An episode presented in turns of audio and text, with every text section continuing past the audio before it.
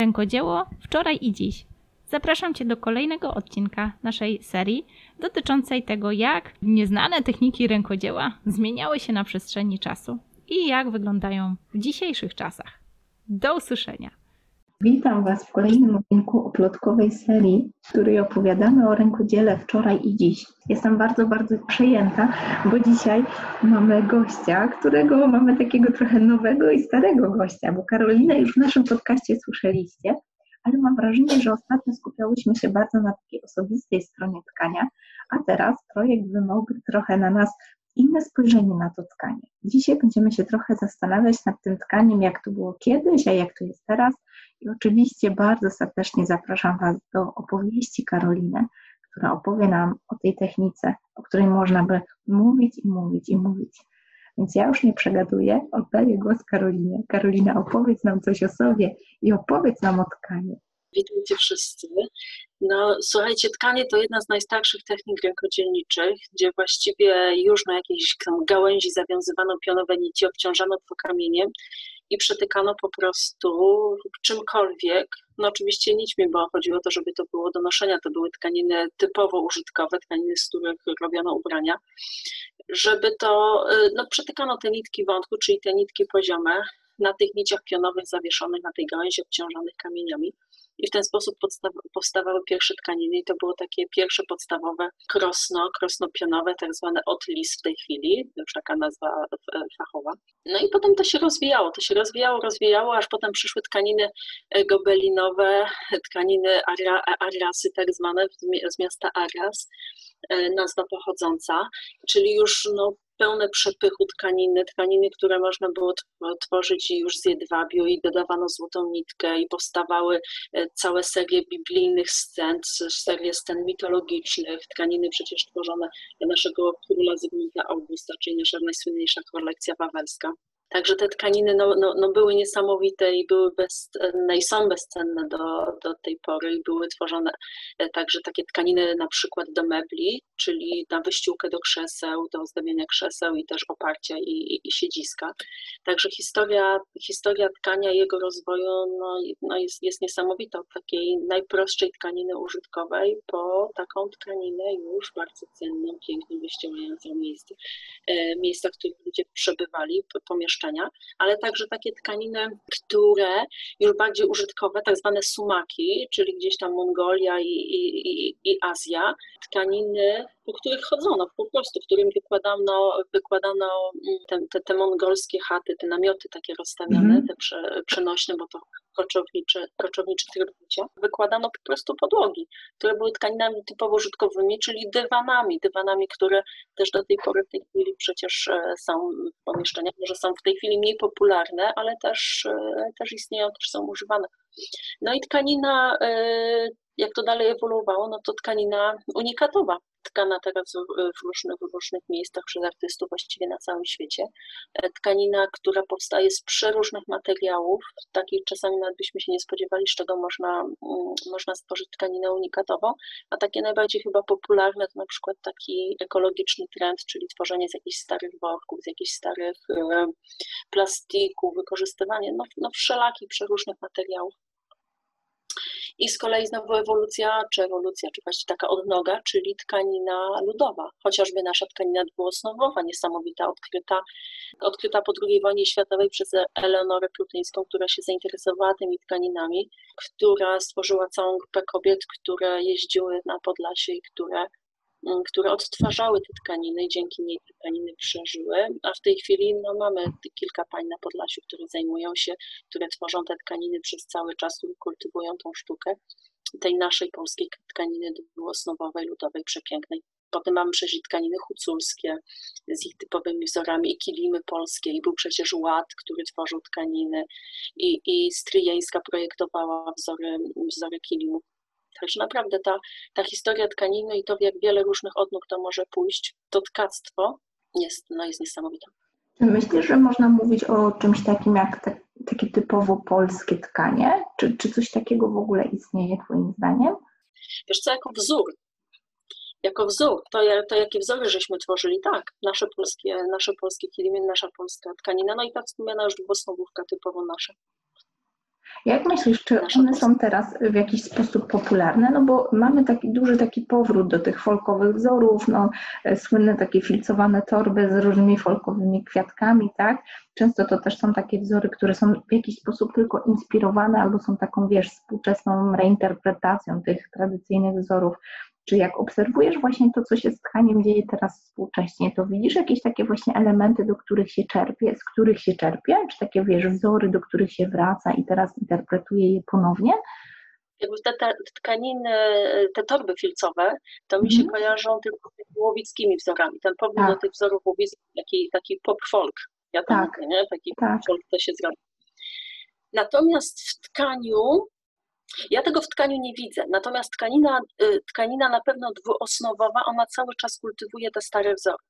Mhm. Tak, tworzą, panie tworzą nowe też wzory, ale to jest ciągle na podstawie, na tyle na ile ja to sobie mogę zainterpretować, bo ja się zupełnie dwuosnówką nie zajmuję, bo to jest tkanina, która powstaje na krośnie, krośnie poziomym, a ja tkam na ramie tkackiej, ale tam tak, widzę, że to jest wszystko y, ciągle oparte na tej bazie właśnie tej tradycyjnej tkaniny, tradycyjnego wzoru, tradycyjnego projektowania, tak. Dobrze wiedzieć, bo mam wrażenie, że technika tkania y, staje się coraz popularniejsza i trochę sięgamy po nią tak świadomie dla takiego, wiesz, mindfulnessu, dla takiego relaksu. Rzeczywiście jest to taka technika bardzo czasochłonna, pracochłonna i tak jak kiedyś rozmawiałyśmy, możemy odesłać do poprzednich wywiadów, że nie ma co siadać na godzinę. To jest trochę taka praca, do której siada się właściwie na kilka godzin minimum, żeby rzeczywiście ten wzór mógł powstawać, żeby był jakiś poziom satysfakcji z e, kawałka wykonanej pracy. Jak myślisz, czy, czy w tych takich, wiesz, naszych dzisiejszych zabieganych czasach, gdzie na wszystko wiecznie tego czasu brakuje, to tkanie ma jakąś taką swoją przyszłość? Czy widzisz ją jakby podobnie tak, jak to było kiedyś? Czy widzisz ją bardziej w takich formach, wiesz, upraszczanych, przyspieszanych? Myślę, że ma swoją przyszłość, tylko myślę, że musimy trochę zmienić nawet formę, w jakiej traktujemy tkanie, do czego wykorzystujemy tkactwo. Bo ja na przykład w tej chwili zrezygnowałam z wielkich tkanin i tkam miniatury. I te miniatury wcale nie, to tak wcale nie jest, że jak jest miniatura, to się poświęca na nią mniej czasu. Mhm. Bo, bo często wychodzi na to, że ja muszę poświęcić na tę miniaturę jeszcze więcej czasu, ale też dlatego, że wzór, który, który, który tkam, jest wzorem mm, bardzo takim drobiazgowym, szczegółowym, więc wymaga ode mnie większej ilości osnów, co wymaga większej ilości czasu teraz na to, żeby, żeby to wytkać i tak precyzyjnie wykonać ten wzór. Także Myślę, że tak, bo możemy sobie stworzyć jakieś piękne, małe takie, takie perełki tkackie tak. które będą takimi, takimi jubilerskimi, wiecie, tkaninami. To nie, to nie będzie jakaś wielka tkanina, grubo tkana, wielki, wielki wzór, co myślę jest nadal bardzo modne, takie te wielkie tkaniny, wielkie, tak. takie, takie grupy fajne, mięsiste, to też, jest, to też jest piękne, ale myślę, że jeżeli przejdziemy na, do tkaniny takiej właśnie można powiedzieć, luksusowej, takiej malutkiej perełeczki, którą chcemy mieć gdzieś, gdzieś w domu, to myślę, że to też stanie się znowu może nie, że stanie się modne, ale to może stać się czymś właśnie takim mm, elementem wystroju wnętrza, czy elementem naszego, naszej dekoracji, co będzie stanowiło taki element luksusu, czegoś niepowtarzalnego, czegoś pięknego, takiego obrazka, takiego małego tkanego tak. obrazka. Wiesz co, że, że, bardzo dałaś mi do myślenia i myślę, że bardzo się z Tobą zgodzę, bo mam wrażenie, że żyjemy coraz szybciej, coraz bardziej mobilni jesteśmy, przeprowadzamy się często gdzieś tam w poszukiwaniu pracy albo za swoją pasją, albo ze względu, nie wiem, nawet na szkołę dzieci i tak dalej. Mam wrażenie, że jesteśmy coraz mobilni jako społeczeństwo i rzeczywiście duże formy potrafią być kłopotliwe, tak? Przeprowadzka z domu do domu to zazwyczaj jest każdą przeprowadzką minimalizacja bagażu, który ze sobą zabieramy, a rzeczywiście takie małe formy bliskie sercu, no bo rzeczywiście tkanie albo jeżeli wykonujemy je samodzielnie, no to poświęcamy bardzo dużo czasu, więc siłą rzeczy jest dla nas bliskie sercu, albo kiedy kupujemy, to też nie są produkty tanie, więc to jest bardzo świadomy zakup. Mimo wszystko są jakby łatwiejsze, żeby je tak jakby bliżej siebie, tak, żeby je zabierać jednak ze sobą, nie pozbywać się przy kolejnych takich przeprowadzkach. No, bardzo cenna, cenna obserwacja. I to nawet jest takiej, y, myśląc od strony już nawet nie tej tkaniny, którą będziemy sam przewozić, ale myśląc od strony warsztatu. Wielki warsztat tkacki, nawet jeżeli go złożymy, to są wielkie dechy. które Tak. musimy ze sobą wozić. A tutaj na przykład mamy taką ramkę 50 na 50 centymetrów, którą sobie złożymy, ciach, i to już jest coś małego, gdzie w każdej, w każdej szafie się zmieści, w każdym kącie, na momencie, w którym nie tkasz, czy nawet jak masz już tą ramę rozłożoną, to też jest łatwiej gdzieś ją tam schować sobie w jakiś kąt i potem tylko wyjąć, niż mieć taką wielką kolumbrynę, która stoi, musi stać w Tak. jednym miejscu. Nawet przenoszenie jej potem, kiedy już jest nasnuta i, ta, i pracujemy, no już nie jest taką prostą sprawą. Dokładnie. Wiesz co, ja jeszcze dopytam, bo może mamy takie osoby, które nas słuchają, które niekoniecznie dużo wiedzą o tkaniu, bo wspominałaś właśnie tu o dwuosnowówce, o t- tkaninie takiej, którą Ty tworzysz na ramię. Y, Gdybyś miała przybliżyć właśnie naszym słuchaczom taki, wiesz, ogólny podział tego tkania, no bo wszystkim się pewno to, to tkanie kojarzy właśnie z przepykaniem nici przed nić, ale wiem, że mamy różne rodzaje e, tkania i ty też tworzysz w konkretnym jakby stylu, to jest konkretny trend, ale może łatwiej będzie się jakby poruszać pomiędzy tymi terminami, gdzieś dwuosnowówka się przewinęło i tak dalej. Taki, no, taki najprostszy podział to jest tkanie na e, ramię pionowej, czyli taką, którą sobie, która stoi pionowo, ma swoje nóżki, jest oparta, albo możemy ją postawić po prostu na sztaludze, na sztaludze takiej malarskiej, wtedy mamy ją zabezpieczoną i tkamy w pionie. I to jest tkanie na ramię. I tak na przykład tkają go, e, w pracowni w manufakturze Gobelinu w Paryżu. Ale w Paryżu tkają też poziomo.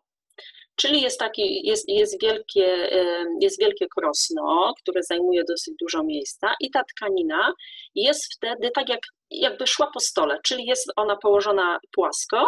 I to, co utkamy, nawija się na wał, jest tak zawijane, a z kolei z drugiej strony odkręcamy sobie osnowę i wtedy możemy utkać wielkie, długie, długie tkaniny, w zależności ile żeśmy tej osnowy na, te, na ten wał na, e, nasnuły. Natomiast na tej ramie pionowej z kolei, wracając, to właściwie jesteśmy ograniczeni długością tej osnowy przy wysokości tej ramy. Czyli jeżeli ja mam taką małą 50 cm, mam od gwoździ do gwoździ, czyli od, e, od, od ramy z, na górze do tej na dole deski, no to odjąć jeszcze zarobienie, które musimy zrobić, czyli wzmocnienie naszej tkaniny, plus te jakieś kawałki, które musimy zostawić, żebyśmy potem mogli tą osnowę zabezpieczyć, no to wyjdzie nam jakaś tam tkanina maksymalnie 30 cm i wtedy jesteśmy ograniczeni tą ramą. I teraz z kolei tkanina dwuosnowowa to jest też tkanina tkana na tych poziomych krosnach wielkich, czyli baslis i wtedy to jest taka tkanina, która ma dwie strony, to są jakby dwie tkaniny, o, to są dwie tkaniny, one są dwukolorowe, dwie tkaniny i które są ze sobą połączone na krawędziach wzoru. Czyli dajmy na to, że będziemy tkać trójkąt i w ten trójkąt mamy na białym tle niebieski, z drugiej strony mamy biały na niebieskim tle i te dwie tkaniny połączone są tylko na krawędziach tego trójkąta. I, i jak mamy taką tkaninę znowową i ją weźmiemy do ręki i y, gdzieś jest większe, gładkie pole, to możemy wyczuć, że to są dwie tkaniny, które są, możemy, możemy dotknąć i tak jakby rozsunąć. I to jest taka podstawowa różnica e, z tymi tkaninami. Z kolei potem na przykład mamy kilimy i gobeliny.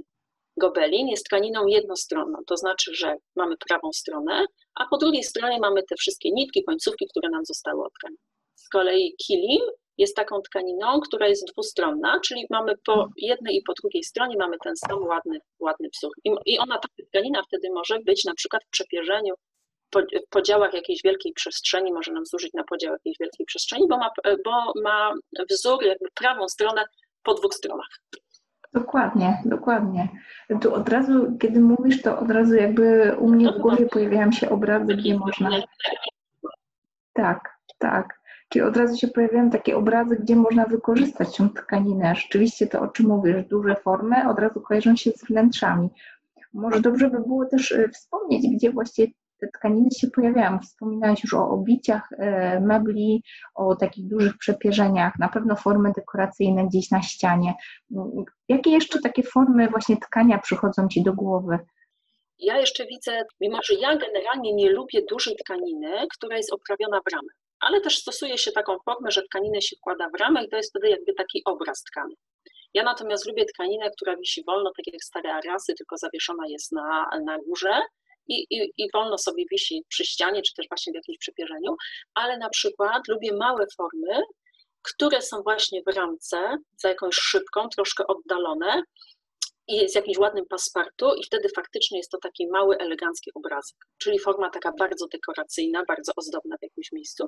No i też na przykład w momencie, kiedy ja tkam wykorzystując len, ale nie len już jako włókno, tylko len jako całą tą, tą roślinkę, łodygę razem z nasionami, z tymi gniazdami nasiennymi, no to wtedy to jest bardzo kruche i bardzo delikatne i wtedy dobrze jest to też właśnie zabezpieczyć e, za jakąś szybką, żeby była jakaś odległość między tą tkaniną a tą szybą, żeby po prostu tej tkaniny nie zniszczyć. Ja myślę, że koniecznie muszę Cię namówić, żebyś umieściła też zdjęcia swoich prac. Wiecie, ja mam to szczęście, że ja już widziałam pracę od Karoliny. Rzeczywiście dla mnie to jest e, najwyższy poziom mistrzostwa, żeby tkać używając tak kruchego materiału, jak właśnie len, który jest rośliną, który wiecie, jak bierzecie takie zasuszone źdźbło do rąk, to ono po prostu się kruszy jak słoma, jak e, jakiś kawałeczek źdźbła zupełnie suchego a Karolina potrafi to tkać. Po prostu to jest mistrzostwo i ma takie gotowe prace właśnie oprawione w ramach, więc Karolina na pewno Cię poproszę, żeby koniecznie zdjęcia pokazać, bo dla mnie to jest rzeczywiście pokazanie tego kunsztu artystycznego. Tak, że to, to już nie jest taka rzecz, której możemy się nauczyć na trzygodzinnym warsztacie i śmigać. To jest coś, co wymaga naprawdę doświadczenia i lat wprawy mm, w tej materii. Ja wiesz, ja bardzo y, chcę Cię pociągnąć za język właśnie y, o tą współczesną interpretację, bo mam wrażenie, że Ty też bardzo fajnie się odnajdujesz w tych, w tych takich trendach współczesnych, bardzo fajnie je podglądasz, interpretujesz jakby przekładasz umiejętności, które no widać, że też wynikają z takiej Twojej znajomości historii e, tej techniki i też faktu, że bardzo długo już z nią pracujesz, ale w przepiękny sposób właśnie tak uwspółcześniasz to tkanie. Czy mogłabyś coś o tym opowiedzieć? Bo wiadomo, że to jest takie poszukiwanie swojego stylu też jako artysta, ale widać, że po prostu patrzysz na te nowe trendy, patrzysz na, nie wiem, modne kolory na przykład teraz i wplatasz to właśnie w tą historię tej techniki. Skąd to u Ciebie? Jak, jak to się dzieje, że, że właśnie szukasz właśnie tych form? Co, co stanowi inspirację?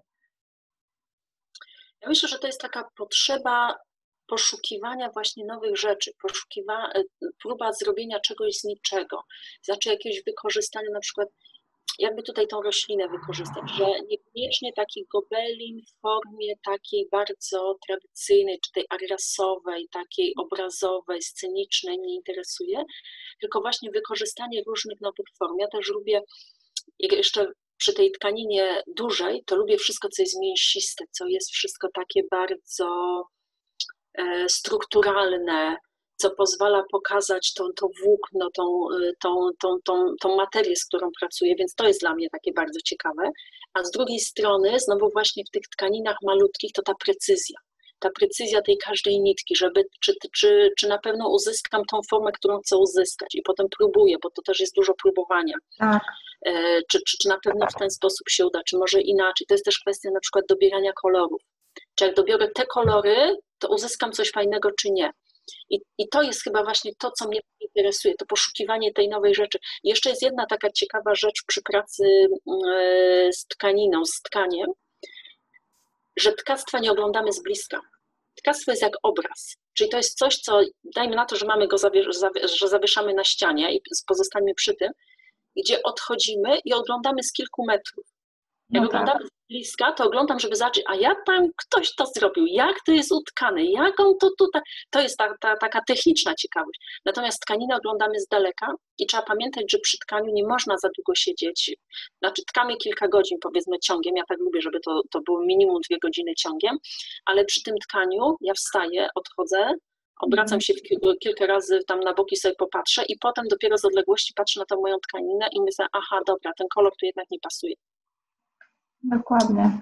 Uprawiam wtedy, nie? Bo tkanie to też jest, no, no prucie. No myślę, że w każdej technice jest, czy, czy przy drutach, czy przy szydełku, wszędzie, wszędzie poprawiamy, szukamy jakiegoś lepszego rozwiązania. I tak samo jest przy tkaniu, że ja wtedy patrzę, a nie, to jednak nie wygląda tak. Jestem feminem. Dokładam, tworzę sobie szkic mojego wzoru, tego, co chcę stworzyć i im lepszy, im dokładniejszy mm, będzie projekt, tym łatwiej, szybciej wykonamy tkaninę, ale nie przy każdej tkaninie uda się stworzyć tak dokładny wzór. I na przykład przy takich tkaninach z lnem, gdzie mam ten wzór stworzony, ten projekt, to mimo wszystko tak naprawdę już w samym tym ostatecznym etapie tkania widzę, czy to będzie, czy to mi się będzie podobało, czy nie. Dokładnie. Czy, to, czy nie. I to są myślę, że to, to, to wynika u mnie z takiego poszukiwania, że ja mam ciągłą taką potrzebę szukania jakichś nowych rozwiązań, czegoś nowego, jakby coś innego zrobić. To jest takie. I też tkanina geometryczna ostatnio, to mnie mocno zainteresowało, właśnie, czyli opuszczanie osnowy, pozostawiam wolne osnowy i te wolne osnowy tworzą mi ten wzór, czyli jakby zupełnie odwrócenie. Nie, że tak. przykrywam i, i tę tkaninę, tylko odkrywam i to mi tworzy moją tkaninę. Dokładnie, dokładnie. W tą stronę. To też takie właśnie ja bym nie była sobą, gdybym mnie zapytała o jedną, dosłownie ostatnią rzecz, bo nie, nie chcę też przeciągać i, i, nadużywać, wiesz, gościnności, ale bardzo bym Cię chciała dopytać o takie miejsca czy, czy wydarzenia, w których osoby zainteresowane tkaniem, niezależnie czy współczesnym, czy historycznym, znajdą coś dla siebie, bo wiadomo, że zawsze się zaczyna od takiej inspiracji, od oglądania, od zobaczenia, dotknięcia czasem, tak, takiej tkaniny. Wiadomo, że w naszych oplotkach proponujemy takie bardzo, bardzo uproszczone warsztaty e, tkania, które zresztą Ty prowadzisz i na które też będziemy serdecznie zapraszać, ale wiadomo, że często się zaczyna jeszcze krok, e, krok do tyłu, nie? że jeszcze nie chcemy tego spróbować zrobić, tylko gdzieś zobaczymy i trochę zachłyśniemy się, tak jak to było u Ciebie, że zobaczyłaś, zafascynowałaś się i właściwie tkanie zostało z Tobą na całe życie. Um, powiedz mi, czy są jakieś takie miejsca, może cykliczne wystawy, może wydarzenia albo miejsca, które warto odwiedzić, jeżeli chcemy troszeczkę tak łyknąć tego tkania? Pierwsze miejsce, do którego zapraszam. Muzeum Sztuk Użytkowych Poznań ostatnie piętro na górze, właśnie są, jest, jest wystawa stała, wystawa tkanin i tam wspaniała, przepiękna, ogromna, fascynująca tkanina Urszula Plewka-Schmidt Madonna. To jest po prostu, to jest coś, co, co już widząc tylko w reprodukcję czy, czy zdjęcia w katalogach byłam zachwycona, a kiedy zobaczyłam to na żywo, to, to, to nie, to po prostu pochłania. Są też tkaniny współcześniejsze oczywiście, znaczy, przepraszam, to, też jest współczesna, współczesna tkaczka, nie żyjąca już, wprawdzie. Są współczesne polskie tkaniny, ale to jest to coś po prostu, co mnie zachwyciło. Potem Łódź, wiadomo Łódź, jak tkanina to Łódź, więc Centralne Muzeum Włókiennictwa, tam są wystawy stałe, wystawy czasowe, trynale tkaniny, za każdym razem, jak jestem, zawsze jest jakaś wystawa tkanin y, ze zbiorów muzeum, także zapraszam serdecznie do muzeum. I coś może takiego bardziej dla amatorów tkaczy, to jest, teraz będzie w Bydgoszczy, 25 lipca, będzie wernisaż, będzie kolejne, kolejna, kolejna wystawa i konkurs tkaniny właśnie amatorskiej. Potem jest Turek, to jest co trzy lata w grudniu, też właśnie e, konkurs i wystawa dla amatorów tkaczy. No i to chyba wszystko, co mi w tej chwili przychodzi do głowy. Wow. Potem jest Biennale, słuchajcie, Biennale Madryt, to było chyba w roku 2019, bodajże tak, ale to, jest, to się zmienia, to się zmienia miejsce. Ostatnia była w Madrycie. Wow. To chyba to jest wszystko. Teraz chyba nic więcej mi nie przyjdzie.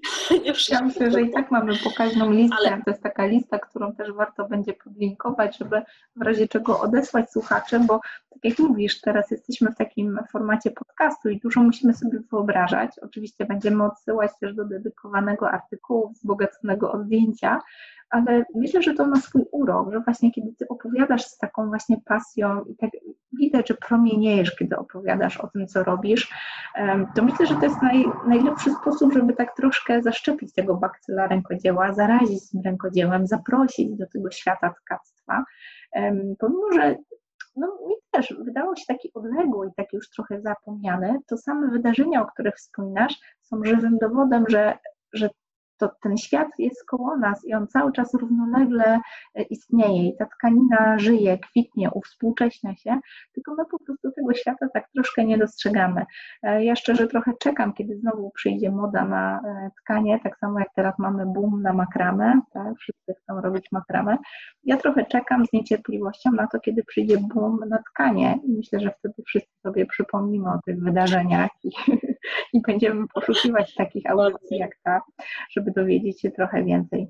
Karolina, nie przeciągam, bo myślę, że, że chcemy zostawić naszych słuchaczy z takim małym niedosytem, żeby tym chętniej wrócili do e, Twojego artykułu, który się pojawi e, na naszej dedykowanej stronie. Chyba, że chcesz jeszcze coś dodać na zakończenie, bo myślę, że zostawię Tobie głos jako, jako naszemu gościowi. Zostawiam Tobie głos i ja już się żegnam. Mam nadzieję do następnego odcinku. Ja na zakończenie chciałabym wszystkim powiedzieć, że tkanie nie jest takie straszne, jak się wszystkim wydaje. Wszyscy zawsze mówią, że jejku, ale to tyle czasu, ale to jest takie skomplikowane, ale to ja się nigdy tego nie nauczę, nie, ja nie mam cierpliwości.